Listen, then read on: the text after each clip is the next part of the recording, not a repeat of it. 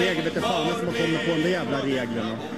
Fan, ska de kunna göra mål när de har en avvaktande utvisning eller? Han 4-2 mot Frölunda. Fantastiskt skön seger. Berätta om matchen. Nej, men jag tycker det, det är bra från början till slut och uh, vi kommer verkligen ihop idag. Det är en underbar publik här hemma, liksom. men de, de är ju lite kräsna också. De kan sin hockey. Liksom.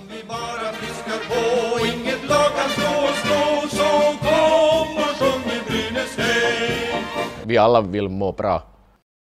Välkomna ska ni vara till avsnitt nummer 97. Det är mitten av mars. Vårtecken börjar dyka upp lite varstans, i alla fall i Sveriges sydligare delar. Och Brynäs IF får spela i SHL även nästa säsong. Hur myser du på det, Fredrik?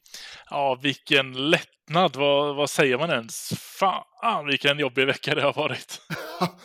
fruktansvärt och den börjar ju rätt klackigt och slutade på bästa möjliga sätt.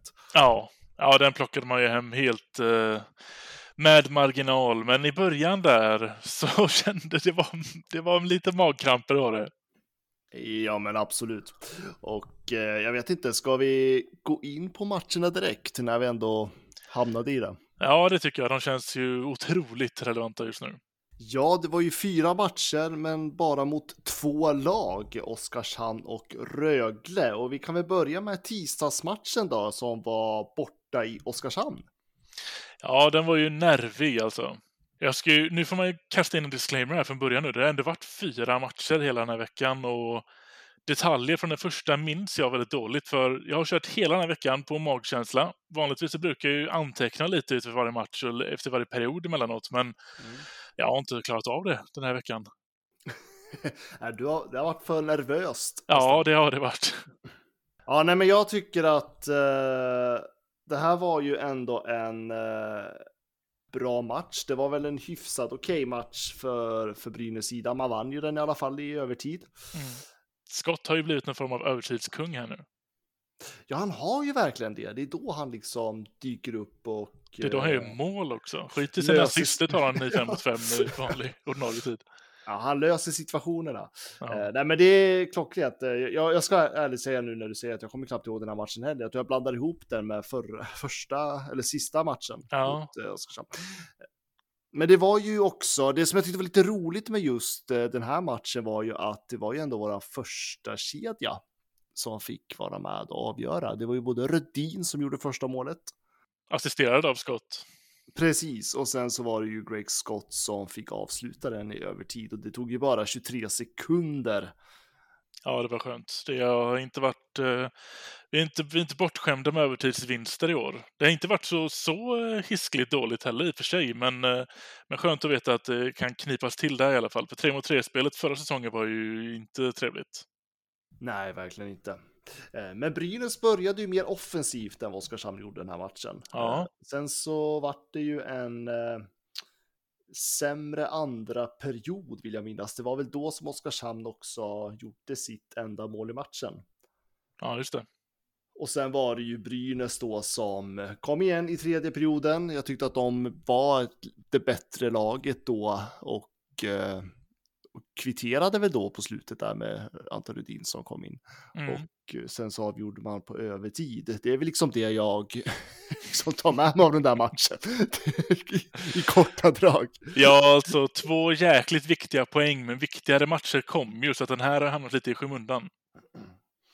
Mm. Men det jag vet att jag kände efter den här matchen att, eh, tanke på hur vi pratade inför den här veckan som har varit, att eh, ja, men man fick ändå med sig ett poäng eller två poäng menar jag. Eh, och kanske det skönaste, vi vann borta i Oskarshamn. Ja. Det har vi inte gjort på 20 år, Fredrik. Nej, det förvånar mig inte.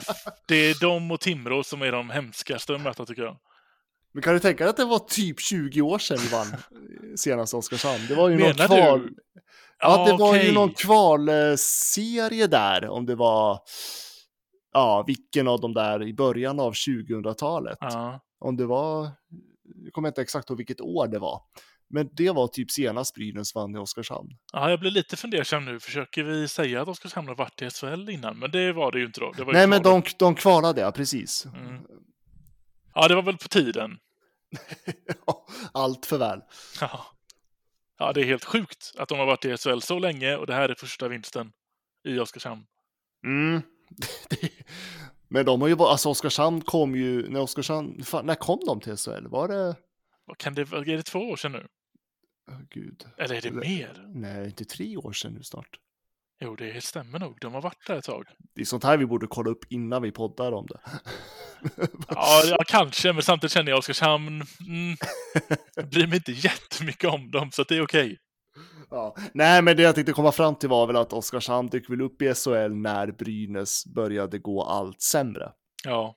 Efter 2017 där, någon gång. Ja, precis. Ja, men jag tycker vi, vi hoppar vidare till eh, bortamatchen mot Rögle. Ja, den var ju kämpigare att se. Det här var ju en av de, det här är ju verkligen den jobbigaste hockeykvällen på år och dag känner jag nästan. Samtidigt som vi ju torskar den här bortamatchen mot Rögle med tydliga 3-0. Jag tycker inte vi hade stor suck alls i den matchen. Så vinner ju alla andra bottenlag samtidigt. Mm. Jag tror Djurgården vann väl och Timrå plockade poäng och Malmö och man satt där och bara det här luktar så illa just nu. Ja, det kändes eländigt. Extremt eländigt. Eh, det jag reagerar på att jag kände när jag tittade på den här matchen att den här matchen har jag sett förut. Ja. Det såg exakt likadant ut senast vi mötte Rögle den här säsongen. Ja. Eh, och jag tyckte att det var så tydligt att, eh, och jag vet att då tryckte jag mycket på de här individuella skickligheterna i vardera lag. Och eh, det var så tydligt att det finns så mycket mer skicklighet om man tittar spelare efter spelare i Rögle än vad det gör i Brynäs. Och det är extremt tydligt när Rögles offensiv möter Brynäs defensiv. Mm. Nej, jag tyckte alltså det, det, det kändes som att den här matchen jag sett, det, det här var det pris på något tidigare säsongen. Ja, det är nog väldigt eh, väl sagt här, för att jag kände också liknande att den här här förstod man vart den var på väg och man såg att Rögle, när de, när de, när de ändå bestämmer sig att nej, det här blir en trepoängsmatch för oss, då tar de tre poäng mot oss. Ja, nej men det, de var klart bättre hela... Eh, och eh, jag tänkte lite på det också man ligger under med 2-0 inför den tredje perioden och Brynäs skapar inte så mycket framåt. Nej. Jag tror det blev bara så sex mål mot mål under den perioden. Och istället så är det ju Rögle som gör utökar med 3-0. Eh, ja. Så att det är liksom eh, klart eh, bättre lag i Rögle. Och eh, Fyra skott på mål står det här i statistiken. Ja, var det fyra till och med? Det var ännu värre. Ja. Så att det, nej, men det var, det kändes tungt, extremt tungt. Ja, usch, herregud vad jag minns. Det var hårt. Såg att alla lagen plockade poäng. Man började sitta där och räkna. Okej, nu är det här match, vad var det, 48. Hur många poäng behöver man? Hur många, hur många kan Djurgården ta? det var riktigt kämpigt. Ja, det var en väldigt stor ångestvåg på sociala medier verkligen. Ja. Hur eh, brynäsarna bara, precis som du säger, räknade antal poäng som behövdes. Vad behövde hända? Eh, vad fick inte hända? Ja. Det var många, många kvalrop. Många, jag vet inte om man gav upp på riktigt, men det var verkligen, man fick skenet av att det var många som hade gett upp. Ja, nej men det, lite den känslan var det ju och eh Ja, nej, men jag, jag, tror inte att det var så jäkla roligt i Brynäs-lägret heller, för att det, det var nog lite skakigt efter den matchen. Ja, det tror jag. Då bytte man ju taktik helt och hållet och gick in i den här, uh, bytte tröjor, fräschade upp laget lite. Retromatchen mot Rögle. Ja, men precis. Vad tyckte du om tröjan? Jag tyckte det var rätt snyggt. Men jag vet inte om jag tyckte att det var snyggt objektivt. Jag tyckte nog bara det var snyggt att eh, det var lite förändring och någonting man kunde fundera lite på. Ja, där var det också ett rött streck och ja, den var lite snygg där. Så hade de tänkt med typsnittet där. Det var kul en match. Det var det, tummen upp, men eh, nu väntar jag hellre ett år till nästa gång vi behöver göra så. Mm. Eh, jag kan säga att jag eh, missade den här de två första perioderna och halva tredje perioden. Så att jag såg bara de Det var inte mycket du såg då? Nej, det var extremt lite jag såg. Men, eh, jag vet inte om jag ska vinna någon godhetsbetyg, men det var faktiskt så att på vägen hem så stötte jag på en eh, förvirrad äldre kvinna som hade gått bort sig.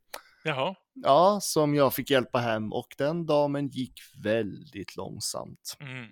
Så då, så att, eh, men jag, jag, skulle ha missat halva matchen ändå, men det gjorde att jag missade väldigt mycket. Så att, okay. Men jag ser de tio sista, så att jag hann se Noel Gundlers mål och eh, sen Greg Scott då. Ja, just det. Riktig... Fan vilken fart han fick skott på slutet där när pucken låg fri. Han bara... Jag trodde inte han skulle komma med den farten och få in den. nej, nej, men det var otroligt skön seger. Men alltså, Gulles målskytt, vi var ju inne på det förra veckan. Ja. Jag är, jag, mer och mer går jag in på att jag tycker att han, med det skottet han har och att han ändå med sitt självförtroende nu, som jag tycker jag ser att han, att han har börjat få i och med att pucken har börjat trilla in. Jag tycker att det här, han ska bara fokusera och, och vara en målskytt. Och jag tycker inte att han ska vara i tredje kedjan längre. Jag tycker ändå att jag tror inte han att, att han har överträffat mina förväntningar utifrån vad vi hade inför säsongen, för då talar vi ändå upp honom en del. Jag tycker nog bara att man ska cementera honom mycket mer som en målskytt än något annat. Jag ser ju framtida potential till att placera, ta upp honom i högre kedjor. Mm. Den här säsongen får han fortsätta den roll han har såklart, men eh, det är inte mycket kvar. Nej. Men jag tycker absolut att det här är ju en ung, lovande uh, talang som just nu kanske har en jäkligt rak utvecklingskurva framför sig. Mm. Och jag skrev efter den här matchen att Noel Gunle bara växer och växer och ja, jag tycker att Brynäs ska förlänga med honom. och det tror jag att väldigt många höll med mig. Mm. Sen blir jag lite less på det här Eh, gnället om att ja, men han, han gör fortfarande många misstag, han är för feg i närkamperna, bla bla bla bla. Ja, han är 20 år. Mm. Han är fortfarande jäkligt ung. Ja, låt han gömma till sig lite och ja. få lite vikt över sommaren här så, kan, så kommer det se bättre ut på den punkten, men han är fortfarande ung nästa säsong också. Ja, och det är liksom det, alltså man ska se honom för den åldern han är och se den utvecklingen han faktiskt befinner sig i. Eh, och tänk i framtid istället för att se vad han behöver jobba på nu. För det tror jag nog att både han och tränarna vet själva hur, vad de behöver jobba på. Mm. Jag ser extremt mycket potential i Gundler och jag hoppas att Brynäs eh, förstår att här behöver vi liksom få till ett långsiktigt samarbete. Om inte han åker över Atlanten snart då.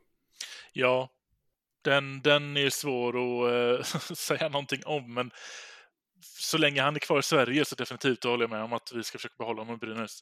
Jag vill ändå tycka att jag var inne på det här även när, vi, när han ju var med i JVM förra året. Um, och jag tycker jag har sett det hela tiden sedan dess att jag tror att det här har varit en perfekt spelare att, att få låta få uh, spelutrymme i första powerplay. För ger man honom den får han lite, lite utrymme. Han behöver en, en och en halv, en sekund och kalibrera in skottet. Så sitter det nästan alltid i krysset eller ribba in. Det, och så var det på JVM förra året. Det var ribba in två av, tre, två av hans tre mål, tror jag det var. Och han har även nu under säsongen här dratt många i krysset. Så låt honom få lite den, den extra spelytan som kan finnas i ett PP och ställ honom på ett hörn och låt han, låt han skjuta. Då kan, då kan Scott och Molin och alla de framspelarna få stå där och mata puckar till honom. För de, Molin och Scott gör ju inte mål på det sättet. Noel Gunley gör det. Ja men absolut och just att eh, fostra honom vill jag på att säga men eh, gör honom till en naturlig målskytt om man har den kapaciteten och det här är en ung spelare som är på väg uppåt. Sen hur långt han kommer gå, det vet ju ingen idag, men eh, skulle han få en säsong till i SHL och få kanske mer istid, få lite större roll, eh, få spela med bra spelare vid sin sida, jag menar det kan bli en väldigt intressant eh, säsong för honom nästa år i så fall. Ja, ja precis. Och man pratar ju ofta om att just Sverige som hockeynation och hockeylag eh, går det lite brist på rena målskyttar perfekt. Här har vi en att bygga vidare på. Tappa inte chansen utan se till att det här kan vara en, en framtida målskytt. Och det skulle ju se, nu är ju inte han fostrad i Brynäs juniorled på det sättet, men det skulle ju ändå se jäkligt snyggt ut att det var just Brynäs IF som lät honom att få växa i det här då ja. i slutändan och få bli en etablerad SHL-spelare och sen ta nästa steg i sin karriär. Ja. Och jag tänker en förening som Brynäs är ju faktiskt behov någonstans att kunna bevisa eh, för övriga hockeyvärlden att eh, det går att utvecklas i Brynäs. Det ja. går att komma in som en ung lovande spelare, åka till Gävle och bli ännu bättre. För det är ju någonting som Brynäs faktiskt har saknat de senaste åren. Ja, där har vi ju inte jättemycket att visa upp sen eh ja, vad är det, Oskar Lindblom senast som väl ändå är det som har kommit ur, ur Brynäsleden? ja, typ något sånt va? Ja, men det är väl senaste exporten till NHL i alla fall. Och han är ju inte heller en målskytt. Nej, men målskyttar generellt har vi bristvara på i Sverige, i svensk hockey. Det är ju, det är ju ett stort problem. Det ser vi ju i både landslag och eh, i övriga internationella ligor. Det är någon enstaka, men det är inte skytt båtar som Sverige producerar.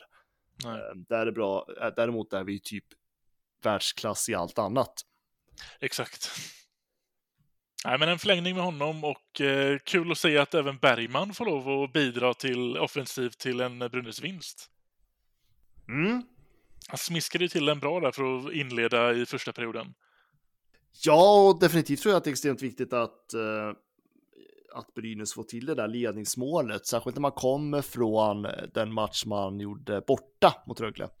Och sen så kommer det att få vara på hemmaplan och få den där ledningen. Jag tror att det var extremt viktigt. Verkligen. Och efter den här otroligt härliga trepoängaren som vi tar mot Rögle, det är ju få förunnat.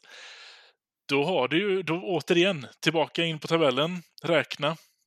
Jag tror att eh, Djurgården och Timrå gick det lite sämre för den här omgången till och med, så då fick vi ett litet glapp där ändå.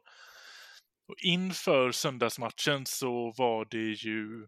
Hade vi tagit två poäng hade vi varit säkra på målskillnadsbiten.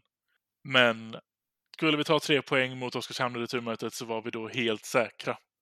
Och man vinner ju faktiskt på full tid och tar en full trepoängare med 2-1 mot Oskarshamn hemma.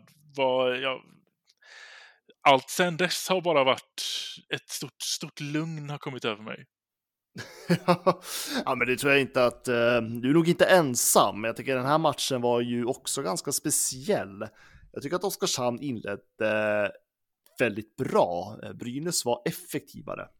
Mm, ja. uh, och sen kändes det som att när Brynäs fick den här 2-1-ledningen så för en gångs skull så lyckas man stänga matchen. Jag tycker att man gör det, jag tror tredje perioden så kommer inte Oskarshamn alls i någon farlig, vad säger man, farlig uppryckning.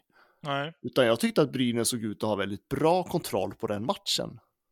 Ja, det kändes som att man fick momentum i att vi leder och det står så jäkla mycket på spel nu så det här det här, det här stänger vi ner, liksom. det, här är, det här är den viktigaste matchen på säsongen klarar vi det här så, så kommer framtiden bara vara, jag menar, nu spelar vi för att ja, det hade varit kul att spela lite slutspel, men jag bryr mig inte om vi gör det eller inte.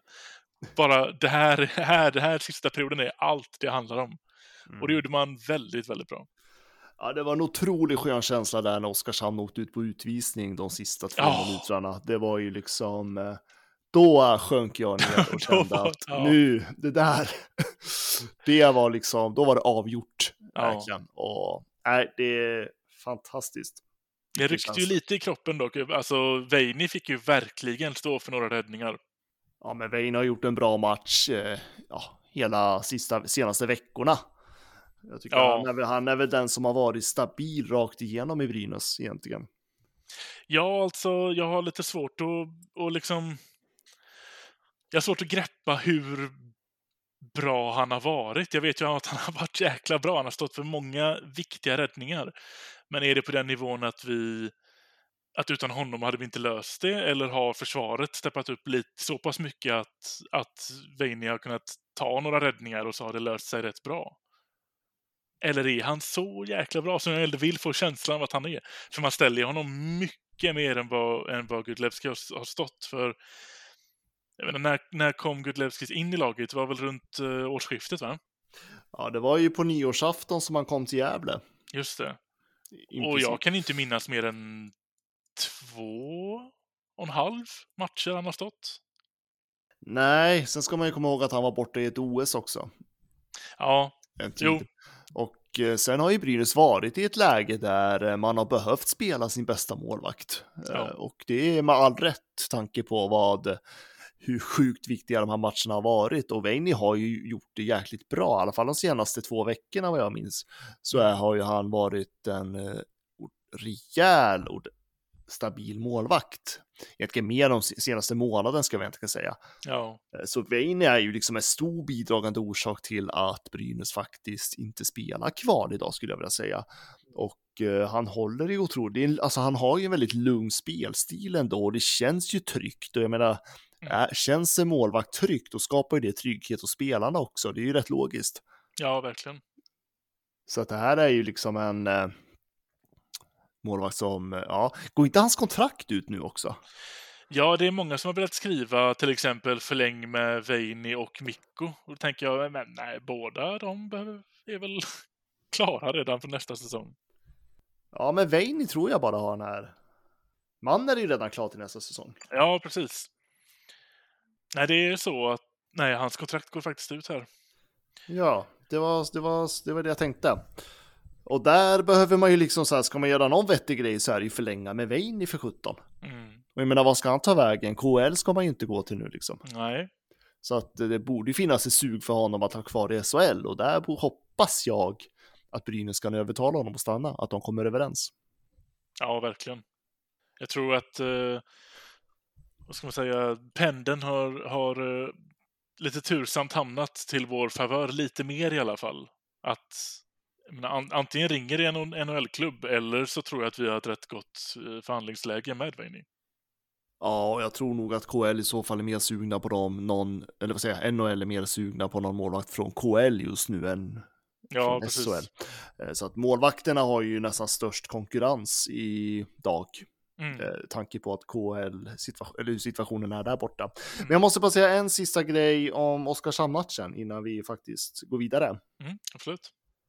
Och det, jag tycker det, det känns nästan lite symboliskt och eh, är också en publikfavorit. Ola Palve avgör den matchen i powerplay. alltså är, det. är inte, det är ju ändå rätt fint ändå att kvalhjälten från i våras också säkerställer Brynäs kontrakt till nästa säsong också. Ja. ja, det är väldigt fint. Och att han redan har förlängt för nästa och det är fan vilken viktig spelare det är. Ja, ja, ja. Äh, där är ju en spelare som vi ska bygga vidare på. Verkligen. Samlat Skellefteå-försvar, Jakob Silfverberg. Men, men vilket mål han gör!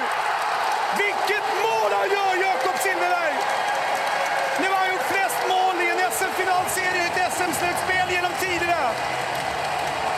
Men vilket mål han gör!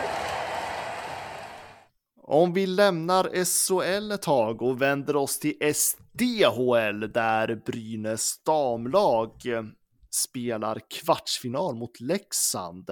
Och det är ju faktiskt så att under tiden vi spelar in det här så leder Brynäs med 5-0 mot Leksand och utifrån det så tar jag så här i segern i förskott. Vad säger du om det? Ja, det tycker jag låter superrimligt. Ja, och det innebär i så fall att Brynäs har gått vidare till semifinal.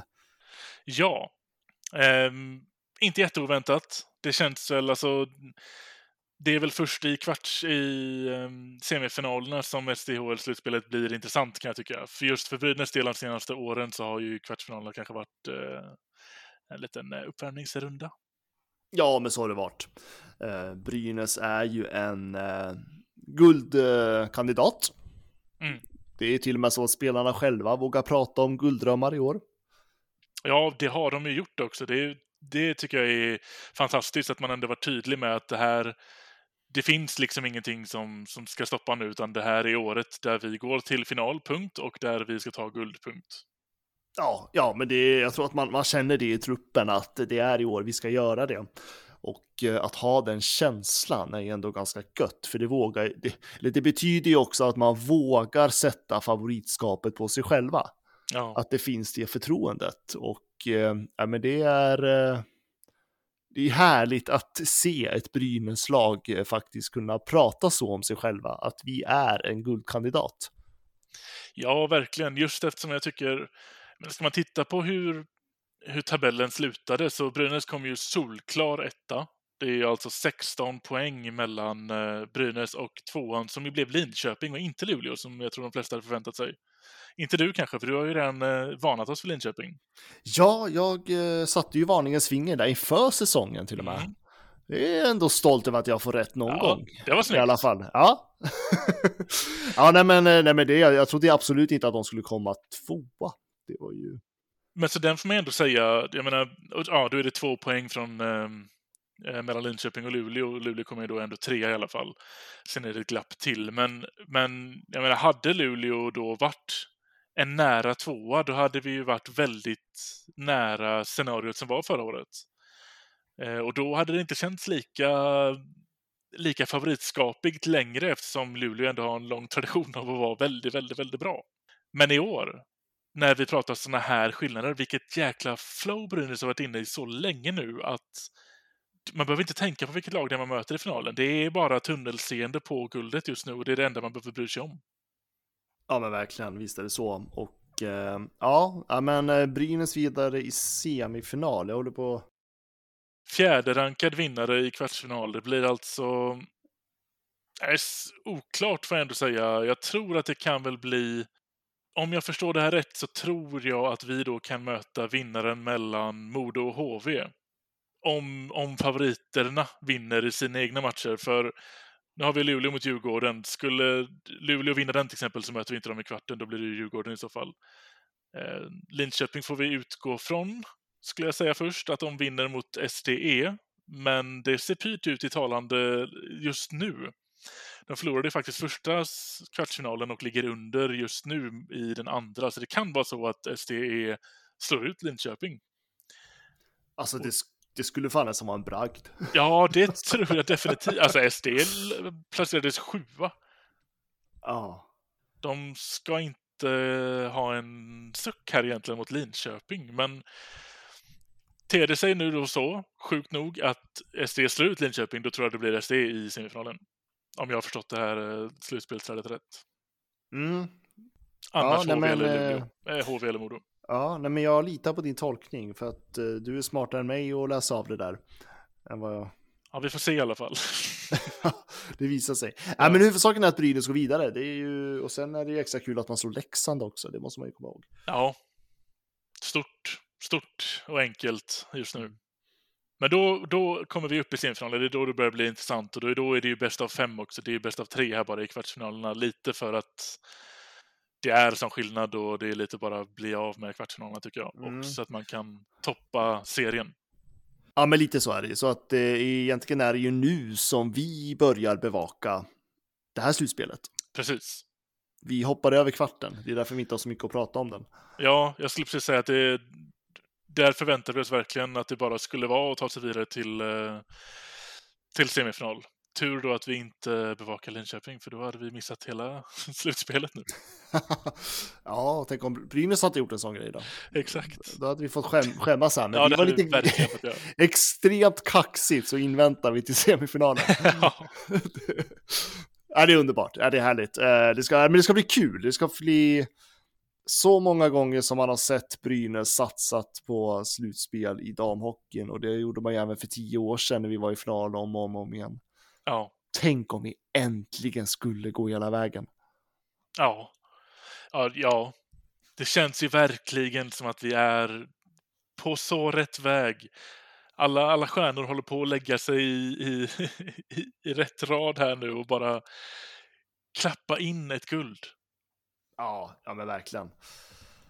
Ja, nej men vi eh, kommer, vi fortsätter bevaka det här slutspelet och eh, nästa vecka så kan vi prata mer om det tänker jag.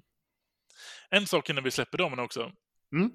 Det är ju faktiskt så att eh, man har utnämnt SDHLs bästa målvakt. Det är så att eh, nu har hon inte spelat jättemånga matcher. Jag tror att det finns väl något minimum. Men 15 matcher stod Ellen Jonsson och hon har prickat in högst räddningsprocent i hela SDHL. Ja men du ser, ja men hon har ju liksom eh, vuxit senaste åren såklart. Eh, jag hade inte förväntat mig att hon skulle vara där i år, att få räknas till det. Nej. Eh, men jäkligt kul för henne och eh, hon är väl den mest trotjänaren just nu i Brynäs. Ja. verkligen.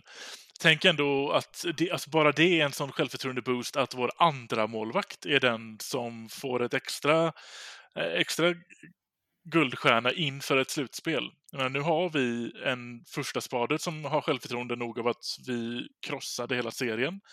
Och andra målvakten blir korad till, till seriens bästa. Det, allt talar för att det här ska kunna gå hela vägen. Shit vad vi jinxade här just nu känns det som. Ja, det gör vi, så nu går vi vidare. Ja. Från ingenstans, Leif! Det går inte! Vi på Brynäspodden vill ju uppmärksamma Every Sport for Ukraine och det handlar om att låta oss tillsammans hjälpa de krigsdrabbade i Ukraina. Svenska fans är en del av Every Sport Media Group och tillsammans har vi skapat initiativet Every Sport for Ukraine som syftar till att stötta krigsdrabbade i Ukraina. Vi bidrar till, i, till Every Sport for Ukraine dels genom att vi har donerat pengar till UNO, UNHCR, men också genom att upplåta utrymme på våra sajter och kanaler för att så många som möjligt ska bidra med pengar till UNHCR. Eh, och därför vi vill också att du som lyssnare ska göra detsamma. Eh, ensamma kan vi inte göra så mycket, men tillsammans så kan vi göra en väldigt stor skillnad. Och det är ju faktiskt så att eh, om du bidrar till UNHCR till Ukraina så är det att Akelius Foundation dubblar din gåva. Så om du skänker 100 kronor så ser de till att det blir 200 kronor som går till flyktingarna från Ukraina. Och senast jag hörde nu så är det över 3 miljoner flyktingar som är från Ukraina just nu. Mm. Så att du kan skillnad, eh, stötta UNHCR eller andra hjälporganisationer naturligtvis. Ja, det finns ju väldigt många där ute eh, och många vägar att gå. Men eh, och, eh, som du säger, många bäckar små. Man vill ju bara hjälpa på, på, på det sättet man kan. Man kan inte hjälpa på alla sätt. Men då väljer vi på Svenska fans att göra det på det här sättet i alla fall. Precis, så vi vill uppmana dig som lyssnare att också skänka en slant. Alla, precis som du säger Fredrik, många bäckar små. Han överraskade oss allihopa, och inklusive Joakim Eriksson med det där skottet. Fruktansvärt hårt skott och snabbt anlagt. Kolla, poff! Första krysset. Vi går vidare till lyssnarfrågorna och eh, ja, det finns en röd tråd om vad lyssnarna vill att vi ska prata om. Verkligen.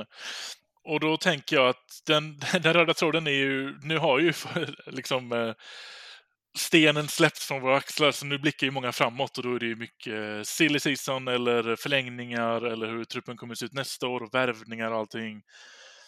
Eh, vi tänker fortfarande att vi är eh, mitt i säsongen. Vi tar den riktiga silly season och, och framtida truppen när säsongen är över. Men det har kommit några frågor som jag ändå tänker att vi kan, eh, vi kan adressera här. Precis, för det du säger är att vi har ju fortfarande kampen om låtsasslutspelet kvar, det vill säga åttondelen. och eh, sen i bästa av världar, om vi går vidare därifrån, så ska vi torska fyra raka i en kvartsfinal innan vi pratar silly season. Ja, så är det. Ja. Så att vi håller på det tills det. Precis. Men Mats Jonsson frågar en eh, sak som jag tänker att ändå är lite relevant just nu och det är ju att eh, det spekuleras i Gävletidningarna om nästa års backuppsättning. Bland annat är det kanske bland annat att det kanske ska förlängas med Björk och Hedeberg. Vad tycker ni om detta? Mm, mm just det. Uh, ja, vad tycker vi om detta? Björk så sa vi ju det tydligt förra veckan att nej, vi kan inte behålla Björk. Uh, och uh, min mening är egentligen att vi ska inte behålla någon av backarna som vi faktiskt, alltså vars kontrakt går ut och det handlar inte, alltså hade det varit ett annat läge så hade jag gärna sett en förlängning av en sån som Björk. Uh, det jag dock frågesätter är ju det förtroende Björk får just nu av Brynäs mm. och att man vill förlänga med honom. Vi behöver mycket bättre backar. Vi behöver hitta nya typer av backar. Och jag tycker att eh, förlänger man med Björk i det här läget så tar ju man upp ett kontrakt i en eh, position, det vill säga backsidan som är akut behov av att bli bättre. Ja, verkligen. Nej, men jag, jag är med dig på den. De som har utgående, jag ser inte riktigt eh, Ja, nej, Björk. Nej, jag kommer aldrig stötta en förlängning med Björk. Hedberg är väl inte lika anti på det sättet, men nej, ändå. Jag vill, jag vill rensa ur mer, för det är som du säger, du, du är inne på en bra poäng där, att vi behöver hitta andra typer av backar. Det känns som att vi har hamnat i ett litet instängt fack med de backarna vi väl har. Sen kanske de är jätteduktiga på det de gör, men det är inte det spelet vi vill spela. Så nej på Hedberg också blir det då. Ja, men lite så. Alltså, visst, det, det är jäkligt lätt att stå och säga att man ska byta ut alla och vi ska få in bättre spelare. Det är ingen mm. garanti på att vi hittar eller får in bättre spelare. Eh, varken du eller jag eller någon annan vet ju exakt hur mycket stor spelarbudget Brynäs har att röra sig med utifrån att vi har ju många dyra spelare som fortfarande står på kontrakt. Mm. Eh, så. Men eh, Brynäs måste ta alla chanser man får att faktiskt bli ett bättre lag. För att fortsätter vi med en snarlik uppsättning som vi har den här säsongen, då kommer vi inte komma bättre än tia nästa säsong. Nej. Och det är liksom, då, då fortsätter vi harva i bottentabellen. Och, och Brynäs ska absolut inte tro att vi är en förening som kan utveckla och fostra spelare, för det har vi inte varit de senaste fem åren. Nej. Så att jag hoppas inte att man har någon snedvriden självbild på det. Eh, det enda undantag jag ser, det är ju Noel Gunler. Och då, men det är ingen back, utan det är, det är något annat. Så att nej, jag, jag, jag ser inte behov av att förlänga med någon back just nu, överhuvudtaget. Nej. Eh, men en, en annan intressant grej är ju ändå att enligt Aftonbladet eller Sportbladet så eh, för Shea har ju ett plus ett med Brynäs. Mm, just det. Och enligt uppgifter till Sportbladet så vill ju klubben omförhandla det här kontraktet och sänka Genoways lön om han ska vara kvar. Mm. För Brynäs skrev på för, ja, han ligger på runt 300 000 i månaden. Men Brynäs tycker inte att han har axlat rollen som en stjärnback och där kan jag faktiskt hålla med. Ja, jag med. Eh, backmässigt så, så har vi ju bara att Berra är bra stark bakåt och att Björk orkar spela mycket. ja, det är det vi har. Men ja. Genoway, det är klart Genoway kan vara bra till och från också, men att han toppback skulle jag ju inte ha kallat honom den här Nej. säsongen. Nej. Eh, absolut en eh, godkänd SHL-back, men ja. inte mer än så. Nej, precis. Offensivt då. Ja. Så att nej, ingen, jag vet inte, nej, jag vill faktiskt inte ha förlängning på Björk eller Hedberg. Jag tycker att det är fel väg att gå. Mm. Eh, då tycker jag Brynäs är alldeles för fega och vi har inte utrymme för att vara så fega just nu. Nej. Nej, mer spets än så måste vi, måste vi kunna få in ja, både spets och bättre bredd. Ja. ja, ja, absolut. Helt enkelt. Vi behöver bättre kvalitet, det är det det handlar om. Mm. Så att, ja, det är min ståndpunkt. Joakim Hed frågar vad tycker ni om Retrostället och vad tycker ni om Brynäs senaste veckorna? Och där tänker jag att vi har ju svarat på vad vi tycker om Brynäs senaste veckorna och jag har sagt vad jag tycker om Retrostället, men jag vet inte om vilket svar från dig där riktigt. Mm, nej. Uh, nej men jag, jag gillar uh, alla Brynäs tröjor sådär snällt och pedagogiskt och diplomatiskt. Och... Ja, det, det var ett mellanmjölksvar det här. Nej, men jag tyckte de var skitsnygga naturligtvis. Uh, det var ovant att se Brynäs ja. i blått. Jag måste bara säga det. men mitt historiehjärta klappade ju extremt hårt för de där och ja, men det var snyggt. Alltså, det var ju snygg eh, snygg sätt att kombinera färgerna på också. Eh, ja. I själva stilen på den där tröjan. Så att eh, ja, jag gillar dem, men jag är glad att vi återgick sen till de klassiska oken och svart på tröjan. Ja. Men ja, nej, men jag, jag, jag gillar, jag, jag hoppas att Brynäs fortsätter med de här retromatcherna en gång per säsong för att det är, jag uppskattar verkligen det. Mm, ja, men jag håller med, jag tycker att det är en, en fin tradition att köra vidare på. Mm, och jag säger som jag sa förra veckan, jag hade gärna ägt en sån där retrotröja faktiskt. Ja. Det hade varit häftigt. Sen om vi ska tänka lite framåt. Det här tycker jag var en spännande fråga. Daniel Stropel frågar vilket lag skulle ni, tror ni Brynäs vill möta för att gå så långt som möjligt i ett slutspel om vi når åttondelsfinal? Jag menar, tittar man på lagen runt omkring oss så finns det några vi inte är skittaggade på att åka på stryk från direkt i åttondelen om vi tar oss dit. Vi, vi lever i ett scenario där vi går till åttondel nu. Mm. Och då är min fråga, ska vi tänka att de som är i åttondelen, alltså Färjestad, Leksand, Brynäs, Oskarshamn idag, ska vi tänka att det är de som hamnar där då? Jag tänker Eller? att vi kan göra det och kanske kasta in oss wildcard, för det känns lite som att eh, Örebro får ju lite vara med i det spelet. De är ju inte helt klara mm. i topp 6. Eh, tittar vi neråt så har vi Malmö och Linköping som står på samma poäng. Jag vet att du har varit inne på en bra sak här, är att det, efter den säsongen vi har haft så vill ju jag inte möta Leksand i eh, åttondel, för då är det risk att vi åker på stryk och jag vill inte avsluta den här säsongen med att få stryk av Leksand. Nej. Uh, alltså Oskarshamn har ju varit på dekis länge. Vi har ju vunnit två gånger mot dem förra veckan, ja. måste jag ändå säga. Uh, och de har inte varit bra de senaste månaderna.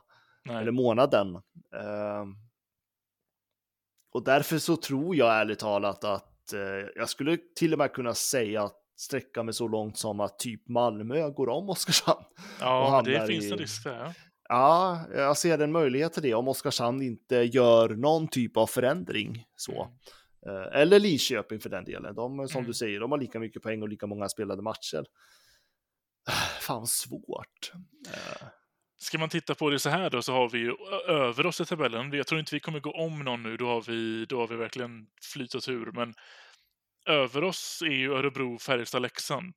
Ja, och som situationen ser ut nu så blir det Leksand om eh, det ja. skulle vara de här resultaten som kvarstår.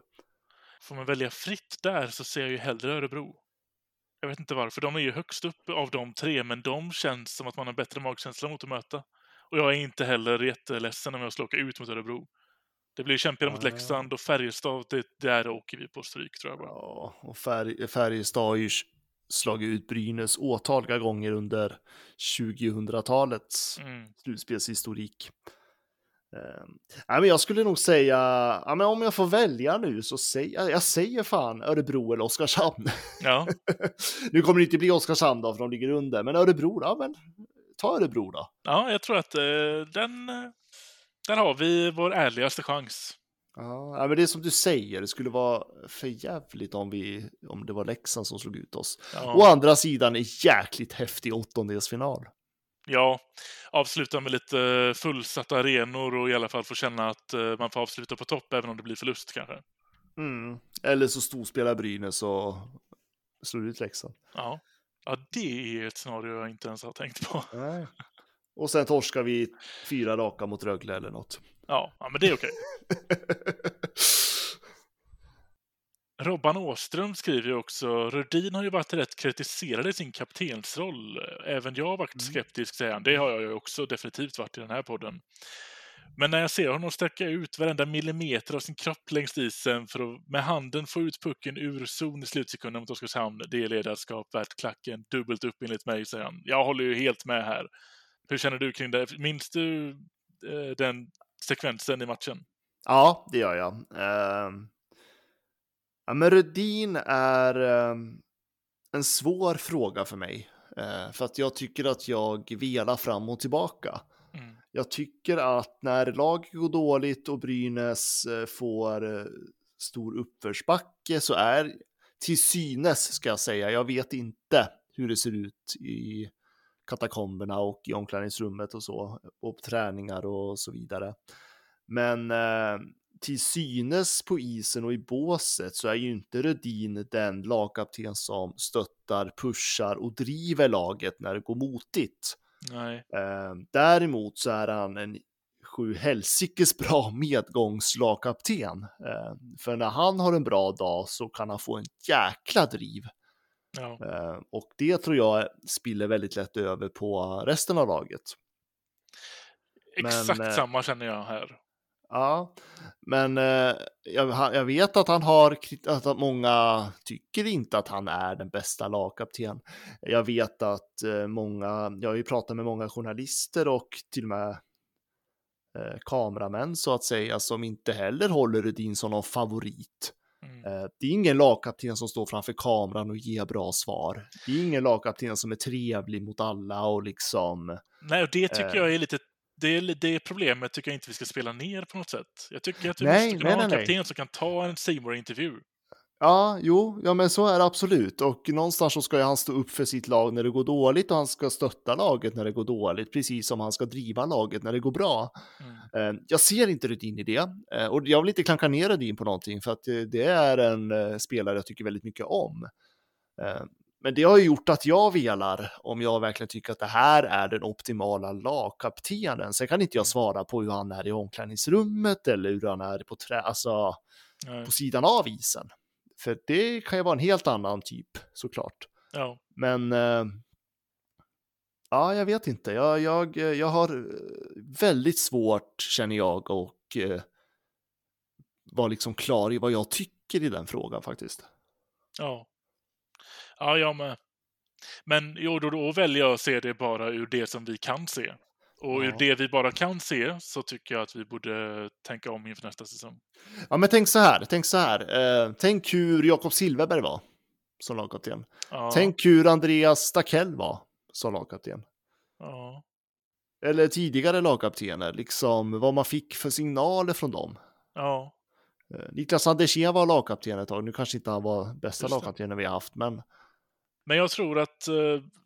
Ja, men jag tänker liksom så här, vad, vad, om man tänker så här, signaler som kaptenerna genom åren har skickat ut och liksom naturliga ledaren i laget, är det Anton Rudin?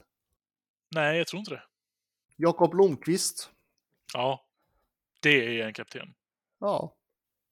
Samtidigt, jag tror att det här kan hänga ihop lite. Det är bara en känsla jag har nu, men jag tror att det här känns som att det hänger ihop med att Rudin har jävligt höga krav på sig själv. Och i sin kaptensroll så tar han med sig det och har därför väldigt höga krav på laget.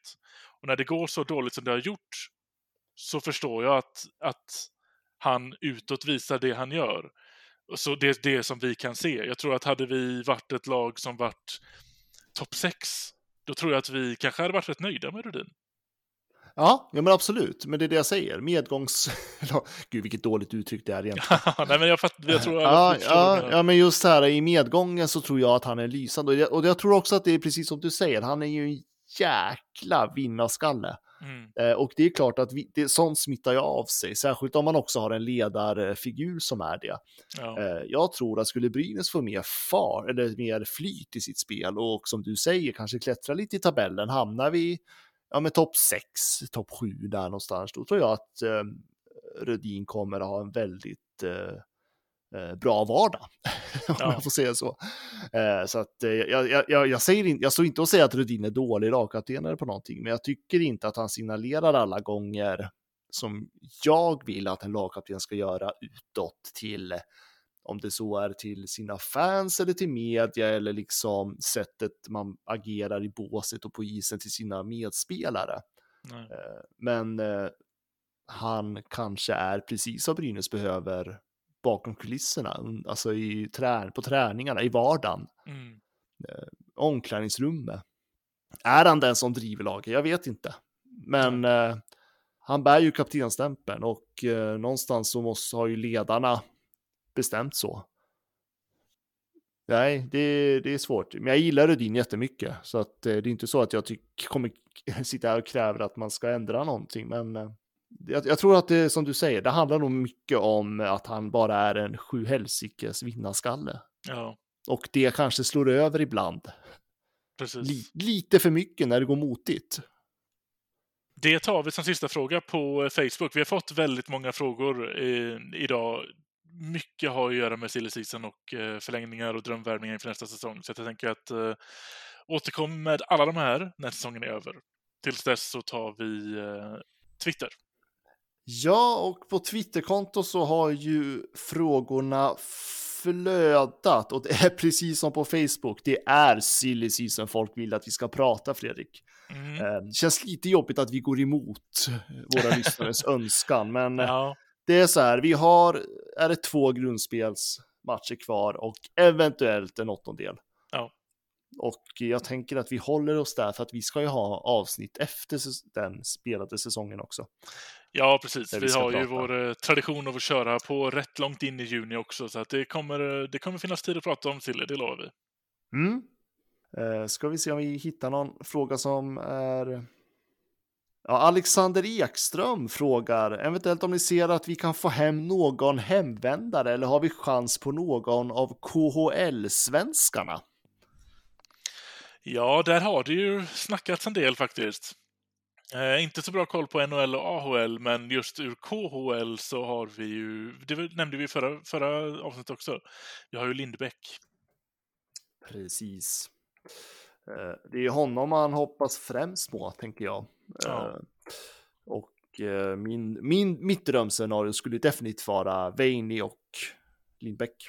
Ja, den hade varit väldigt bra faktiskt. Lite ja. kämpigt då i och med att man får in Lindbäck som väl som väl kommer då ta första spaden i alla fall så här på pappret innan säsongen. Vad, kan Veini vara en andra målvakt? Är han okej okay med det efter så här mycket speltid? Och ska han då gå ta ett steg tillbaka? Ja, eller så kan man dela upp de två mer 50-50, tanke på att det är två jäkligt bra målvakter. Mm. Det skulle vara en, jäk- en rejäl trygghet. Jag tänker bland annat på hur man hanterade Johan Holmqvist och Svedberg 2012 till exempel.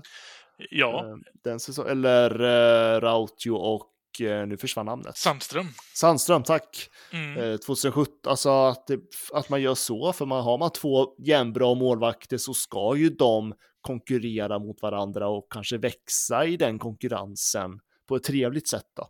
Ja. Att man gör varandra bättre för att man tävlar hela tiden, varje träning, varje dag om vem som ska bli första spaden.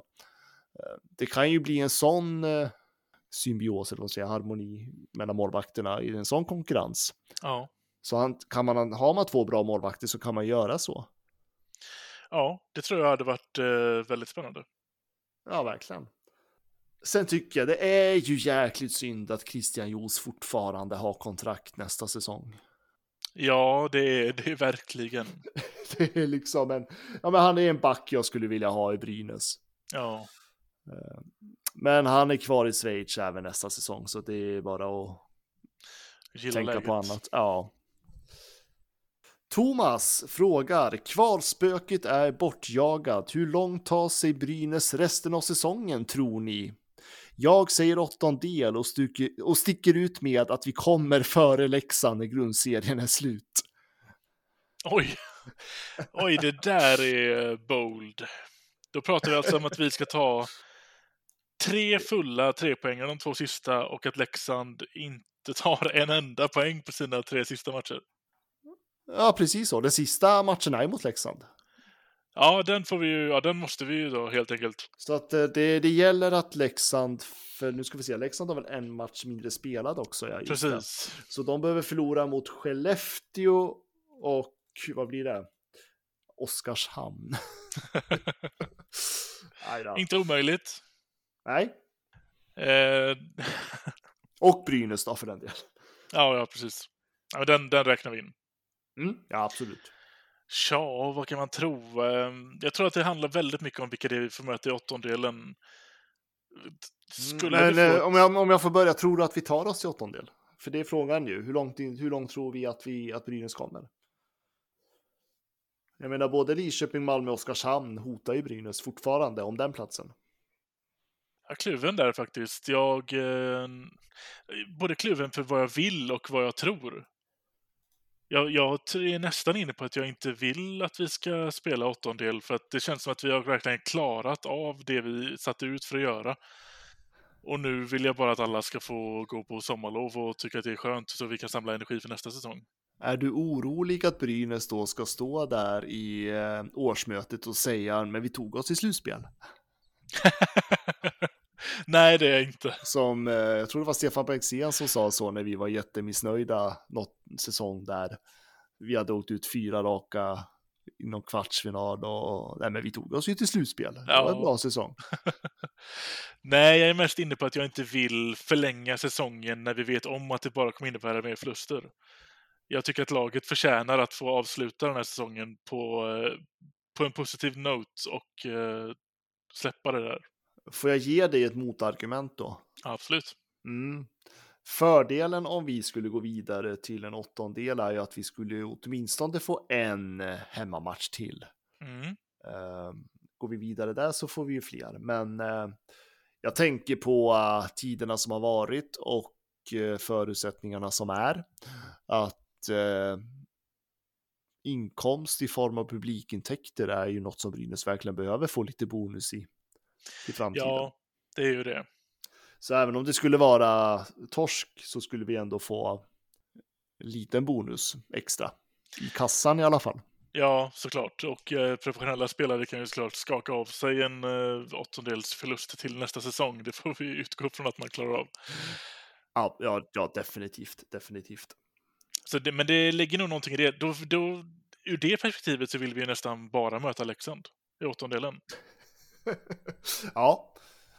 För redan, mot, redan Lex, eh, vår sista match mot Leksand är det redan 6000 biljetter sålda. Mm. Men vad tror du då? Kommer Brynäs få spela åttondel? Ja, det tror jag. Vad tror du? Jag tror faktiskt också det. Sen kommer vi förlora åttondelen tror jag. Mm. Att vi inte går vidare därifrån. Nej, men det tror jag inte heller. Och det känns väldigt, väldigt, väldigt okej. Okay. Ja, för den här säsongen. Ja. Alltså är det inte jävligt illa att vi sitter och pratar sådär? Vi tycker att det är okej okay att bara ha klarat oss från kval. Det är ju rätt sjukt att vi har hamnat där egentligen. Ja, det är sjukt att vi har hamnat här, men när man ändå tittar hur det gick förra så tänker jag att det är väldigt berättigat. Ja, alltså utifrån förutsättningarna så är det ju berättigat, men det är bara sjukt att Brynäs IF ens har hamnat där. Ja. Att vi ska vara nöjda, att vi slipper kval. Det är därför jag ser fram emot så mycket nästa säsong, när man har så mycket nytt. Alltså vi har ju, förra året rensade vi ut hela styrelsen, detta året rensar vi ut hela truppen, nästan, förhoppningsvis. Det är en tvåstegsraket som i princip det är ett helt nytt Brynäs som står framför oss. Vi har alla möjligheter framåt och då tänker jag att då är det okej. Okay. Vi hade en riktig low point förra året. I år var ett mellanår. Nu kör vi nästa säsong. Mm, det gäller att de värvar rätt då. Ja, gud ja. Och inte förlänger med vissa backar. Ja, nej men det, det kommer vi gå in på. Alltså det är väldigt mycket silly season och folk vill att vi ska prata rykten, värvningar. Eh, finns en oro. Det känns inte som att sportcheferna i Brynäs har eh, förtroende på sin sida, om jag får säga så. Nej, det, det pyr lite. Ja. ja, det är oro och jag kan till viss del hålla med. Men alltså alla de här frågorna, alltså det är bra frågor, men det handlar om silly season och vi spar dem till säsongen är över. Där vi kan fokusera mer på det. Eh, men jag tänkte faktiskt, vi fick ju ett vad säger jag, PM mm. av Urban också. Där, nu går jag utanför Twitter här. Ja, är det Urban från förra veckan? Ja, men precis. Eh, och han eh, frågar så här. Jag har en sak jag tycker ni ska nämna till podden nästa gång, det vill säga nu. Vad säger ni om jag säger att Mikko Manners ödmjuka framträdande intervjuer har gjort att Brynäs fått tillbaka i alla fall lite respekt som förening? Det tror jag definitivt. Jag tror att eh, hela Manners personlighet, hela hans sätt att vara som en coach är nytt för Sverige känns det som. Jag vet inte om vi har haft något liknande innan med den ödmjukheten och den, den liksom, han kommer in och även de som inte är brynäsare kan ju inte ha någonting ont att säga om den människan. Han är ju bara ett lysande, en lysande stjärna på himlen. Alltså han är ju enormt älskad i övriga Hockeysverige. Eh, jag vet till och med personer som bevakar andra lag på våran sajt där vi är verksamma i eh, har ju lyssnat på Mikko Manner och eh, bara sagt att de har myst när de har hört honom prata. Ja. För att han har så kloka tankar och ja, hela hans sätt tror jag. Och jag tror att det där är någonting som vi brynäsare har mys på hela säsongen egentligen. Ja. Eh, det jag faktiskt eh, tycker kanske är det finaste med Mikko Manner är ju att han står ju som en jäkla betongmur framför sitt lag. Mm. Och han kommer aldrig med några dåliga ursäkter efter förluster han står kvar vid sin eh, tränarfilosofi. Ja. Eh, de värderingar han står för. Och de, de idéer han har. Jag tycker det ändå är liksom ett eh, stor eloge till honom. Och eh, jag, jag, vet inte om det var förra veckan vi pratade om det, men det var ju någon gång jag läste att det var någon som beskrev att han kokar ju soppa på en spik just nu. Ja, verkligen. Och, och det är ju liksom, han, han har inget bra lag att, eh, att uh, tillsätta på isen och han gör absolut det bästa av den situationen tycker jag. Mm. Uh, sen som alltid, finns ju såklart, uh, man kan ju tycka ibland att han kanske ska ta någon timeout extra eller att vissa laguppställningar kanske har sett lite konstigt, men så är det ju alltid med alla tränare. Ja. Men är jag, Mikko Manner har gjort någonting med Brynäs, det är bara att konstatera. Ja. Det är ett helt annat Brynäs och jag ser fram emot fortsättningen med honom. Han är en väldigt frisk fläkt. Verkligen, verkligen. Ja, William Ros frågar, har ni någon input på Brynäs ståsession? Och jag tror att han menar hemma ståklacken då. då. Mm. Eh, finns det inga fans med lite krut i längre? Frågetecken. Jo då. Det finns det definitivt, eh, men jag tror att de är lite för få just nu. Eh, men jag, jag är alldeles för dåligt insatt i situationen i hemmaklacksläktaren. Ja. Men eh, vi har många duktiga supportrar som står och sjunger och skriker och tjoar. Det har vi definitivt. Sen vet vi att det fortfarande går, pågår diskussioner mellan den där uh, supportergruppen Kamratkompaniet och Brynäs IF. Mm. Uh, och uh, samtidigt kan man ju undra varför, eller jag kan undra som står utanför och kanske inte har stenkoll på allt, men jag blir lite fundersam eller lite frågesätter vi lite grann kanske hur eh, officiella supporterföreningar inte är mer organiserade i hemmaklacksektionen. Men det kan ju vara lätt för mig att säga som inte riktigt har koll på alla delar. Ja, ja där är vi tyvärr ute på tunn is när vi pratar om det. Extremt på tunn is. Eh, så att, eh, ja, kan inte ge bättre svar än så. Sen har vi Anders som skriver så här. Kul! Var hittar man podden? ja, det, det, det kanske han har svar på ifall han hör det här nu. ja, jag tror att vi får skriva till Anders, men eh, man hittar oss på de flesta poddappar och svenskafans.com. Ja, precis. Och Spotify. Som ju har blivit i och för sig en poddplattform på senaste sätt. Ja, det är sant, det är sant. Ja, där hittar man oss också. Eh, men det var väl det vi har.